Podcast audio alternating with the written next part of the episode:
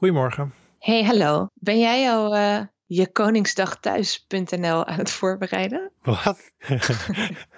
er is een website, koningsdagthuis.nl. Oranje boven, oranje binnen. Hoe we allemaal Koningsdag gaan vieren komende maandag. En, wat en dan, je... kan je, nou, dan ben je heel Nederland wordt dan verbonden door online activiteiten. Er staan filmpjes op nu van tien BN'ers, waarvan ze de organisatie het gepresteerd heeft om één vrouw en uh, negen mannen aan het woord te laten. En dan is het idee volgens mij dat je daar dan een filmpje dat je blokfluit speelt bijvoorbeeld kan uploaden. Of dat je uh, cupcakejes hebt gebakken. Oh, Oké, nou leuk. Ja, ik ben normaal niet zo'n fan, maar nu, uh, ik denk dat ik het dit jaar helemaal oversla. Ik ga wel, uh, nou nee, ik ga, nou, ik, ga, ik ga wel een oranje tompoes eten, denk ik. Ja? hey, wij bellen elke werkdag met een gast om te vragen hoe zij of hij de tijd doorkomt. Ik ben Julie de Graaf. En ik ben Robert van Strien. Welkom bij de Verveel je Rotkast van dinsdag 21 april in quarantaine met blinde paniek. Vandaag bellen we met Annelien Bredenoord. Zij is hoogleraar ethiek van biomedische innovatie en fractievoorzitter van de Eerste Kamerfractie van D66.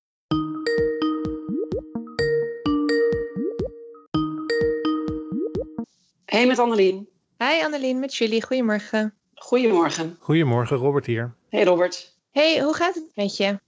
Nou, eigenlijk gaat het wel goed. Ja, we hebben inmiddels uh, hebben we hier thuis onze draai wel gevonden. Het was uh, ja, de eerste 1, 2 weken was het toch wel zoeken. En uh, ook natuurlijk wel spannend welke richting het opging mm. met de pandemie. En ja, wat, wat de impact ook zou zijn voor, voor mijn werk. Yeah. Maar inmiddels zijn we natuurlijk behoorlijk wat weken verder. En ja, zit, ik er, zit ik er eigenlijk goed in. Ja, hebben jullie al een nieuw ritme gevonden? Ja, ja we, hebben een, we hebben een zoon van nou, nog net geen anderhalf. En die kan een paar dagen door de week kan die naar de crash. Um, en dat is heel fijn, want dan kan ik mijn werk zowel in het UMC Utrecht als in de Eerste Kamer uh, toch wel behoorlijk goed blijven doen. Op woensdag hadden we normaal opa en oma dag. Um, nou, dat, dat doen we nu het voorlopig even niet. Dus uh, de woensdag verdelen we.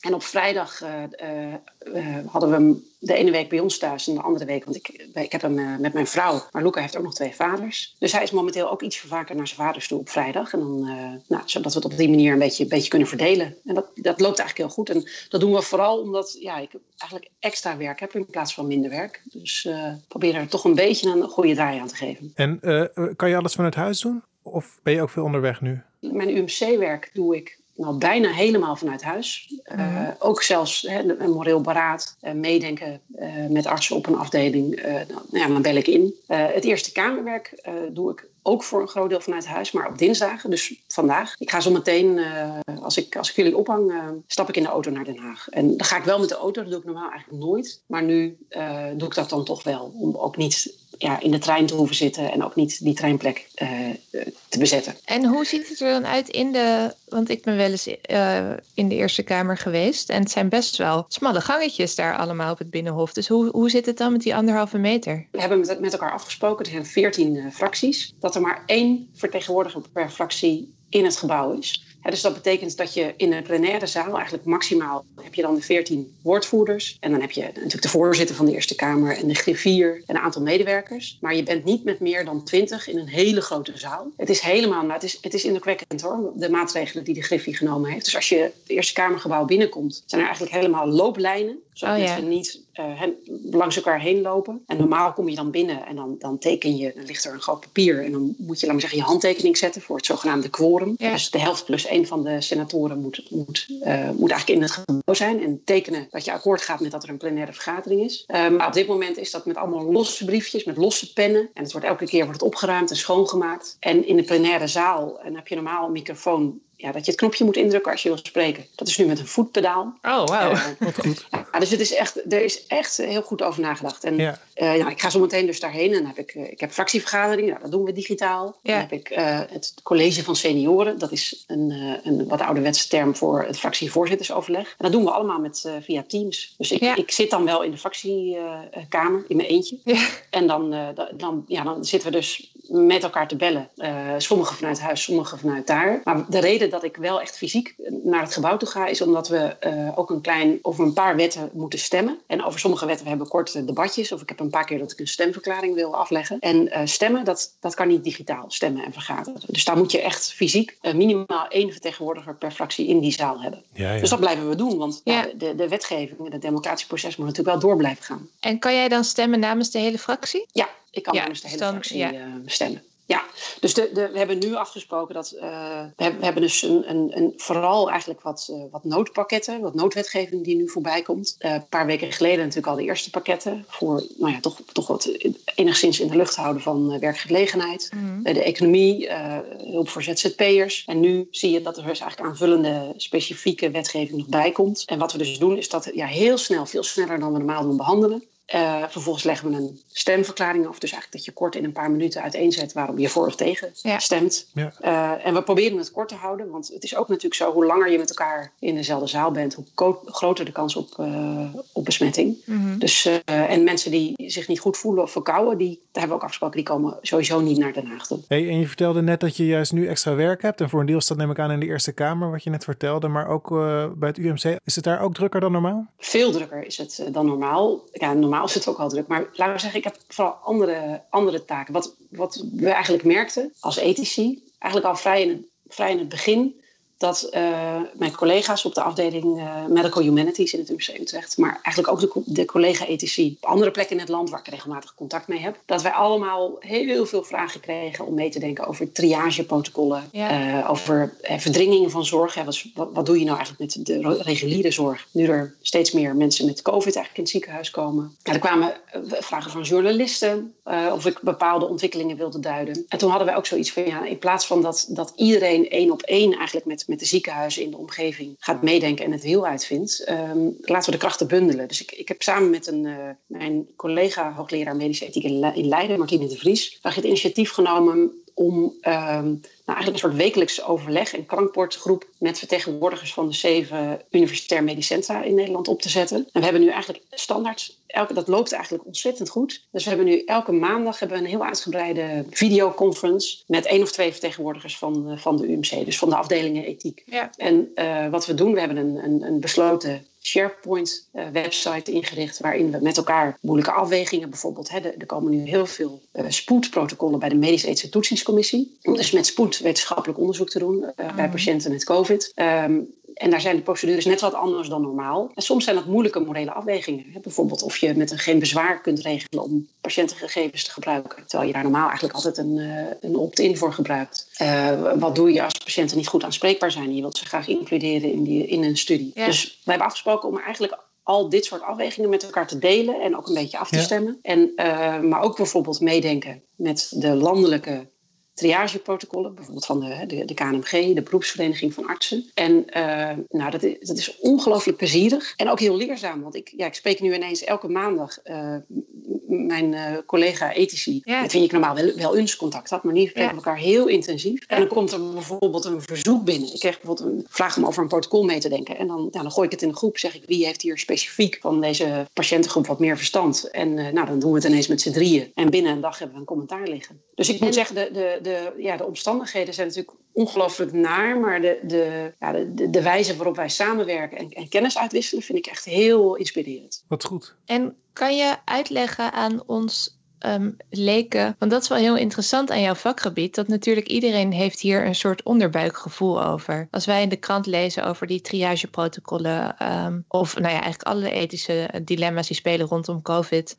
Dan krijg ik daar een gevoel bij. Weet je, of dan vormt zich een soort mening dat ik denk, oh ja, maar dat voelt niet goed of dat voelt wel goed. Hoe onderbouwen jullie dat als ethici? Ja, nou, ten eerste denk ik dat het goed is dat, je, dat jij en eigenlijk wij allemaal, als je zo'n onderbuikgevoel hebt, dat je dat niet wegschuift, maar dat je eventjes dan, dat je je er zelf bewust van bent. Eh, Martha Noesbaum, een, eh, een filosoof uit de Verenigde Staten, die heeft altijd gezegd, hè, dat is een moral marker. Eigenlijk een markeerpunt dat, er, dat je te maken hebt met, uh, met ethiek. Dat het mhm. gaat om moraal. Want je hebt een sterk gevoel, misschien wel van afkeer of van goedkeuring juist. Maar als je daarin zou blijven hangen, dan is het niks meer dan een, uh, een niet onderbouwde mening of zelfs misschien een, een vooroordeel. Dus als ethici zijn we daar eigenlijk in getraind om nou ja, eigenlijk uh, te ontrafelen wat er nou eigenlijk aan de hand is. Welke emoties wel of niet een rol spelen. Wat voor argumenten uh, wel of niet een rol zouden kunnen spelen en houdbaar zijn. Uh, we halen er bijvoorbeeld de theorie bij, want we hoeven dit natuurlijk niet allemaal ter plekke te verzinnen. Maar er is natuurlijk uh, een hele boekenkasten vol zijn er bijvoorbeeld over de ethiek van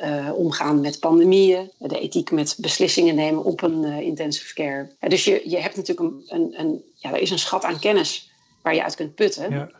we weten bijvoorbeeld dat bepaalde argumenten beter verdedigbaar zijn dan andere argumenten. dus je, de, het is voor een deel is het toch ook zitten en denken, want dat doe je veel als, uh, als ethicus. Maar het is ook met elkaar inderdaad uh, scherpen en argumenteren. Dat je zegt, hè, van als je bijvoorbeeld zou zeggen, nou, bijvoorbeeld een discussiepunt over wil je nou wel of niet een leeftijdsgrens. Mm -hmm. nou, dan probeer je met elkaar door te denken hè, van is het houdbaar? En kan je, dat, kan je eigenlijk wel een leeftijdsgrens vaststellen? Omdat er bijvoorbeeld de, de biologische leeftijd van mensen heel verschillend is dan de daadwerkelijke leeftijd op papier. Ja. en zo probeer je dat helemaal uit te denken. Ja, kijk, en uiteindelijk is het ook goed om te beseffen dat in de ethiek heb je nooit een geweldige oplossing. Het gaat eigenlijk altijd om ja, de oplossing met de minste morele pijn. Want het blijft altijd een tragische situatie. En het, is, het is ook nooit zo dat, dat er, dat je, ja, als je kiest om het op een bepaalde manier te doen, uh, bijvoorbeeld bepaalde uh, groepen eerder te helpen, want het is natuurlijk een dramatische situatie, dan betekent het dat dat minder goed pak, uitpakt voor andere type patiënten. En je gaat dus op zoek eigenlijk naar de minst tragische oplossing. En, maar het blijft altijd een beetje pijn doen. Ja, hoe ga je daarmee om zelf? Wat helpt, je doet, je doet dat soort dingen. Dat geldt ook voor het, het onderzoek wat ik in de,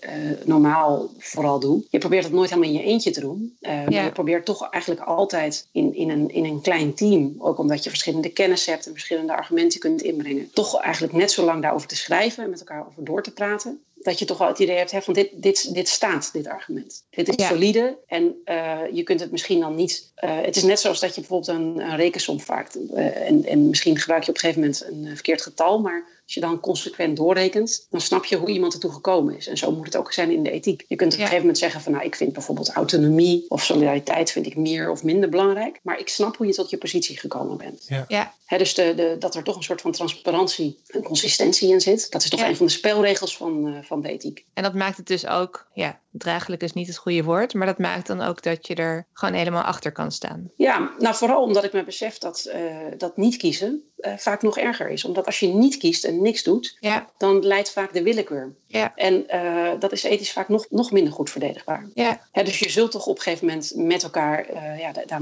heb ik ook al eens gezegd, ethiek is niet voor bange mensen. Je zult toch op een gegeven moment met elkaar ja, de, de, de, de keuzes moeten maken en die verantwoorden. Ja. Ja, maar als we nu het helemaal op zijn beloop hadden gelaten, met geen beleid, geen uh, protocollen, niet nadenken over triage. Kijk, ik, ik heb heel erg de hoop dat we er langs scheren en dat het mm -hmm. gaat lukken, hè, dat de IC-bedden voldoende zijn ja. en, het, en het zorgpersoneel eromheen. En dat is geweldig hè, dat het gelukt is om dat in zo'n korte tijd op te schalen. Ja. Maar op het moment dat er niet nagedacht was over protocollen van wat nou als er echt veel meer patiënten zijn die intensive care hulp nodig hebben, ja. Uh, als je op dat moment er nog over na moet gaan denken, ja, dan ben je te laat. En dan ja. komt, er, komt er een soort, uh, ja, wie het eerst komt, wie het eerst maalt beleid. Waarbij het zou kunnen dat je bijvoorbeeld jonge patiënten die goed hadden kunnen worden gered, uh, dat die overlijden omdat er geen bed voor ze is. Hè, dus de, de, ik kan er eigenlijk heel goed mee omgaan. Om, omdat ik gewoon weet dat, dat niks doen vaak nog erger is. Ja, wat het alternatief zou zijn. Precies. Hey, en zijn er dingen die deze periode juist wel heel goed gaan? Of dingen waarvan je denkt, hey, dit, als het normale leven um, ooit weer begint, dit is iets wat ik wil blijven vasthouden of zo? Ja, zeker. Ja. Wat we nu ineens allemaal uh, via videoconferencing kunnen doen, ja. uh, dat vind ik indrukwekkend. En ik denk zowel voor, voor mijn eigen werk. En, hè, ik, heb een, ik werk in een vakgroep, ik heb een eigen onderzoeksteam. En uh, het lukt me eigenlijk heel goed om contact met iedereen te onderhouden. Ja. Om ze even te zien op beeld. Um, dus ik vind dat echt heel plezierig. En dat betekent ook hè, dat je minder woon-werkverkeer hebt. Ik denk eerlijk gezegd dat het voor mensen met zorgtaken uh, ik, heb,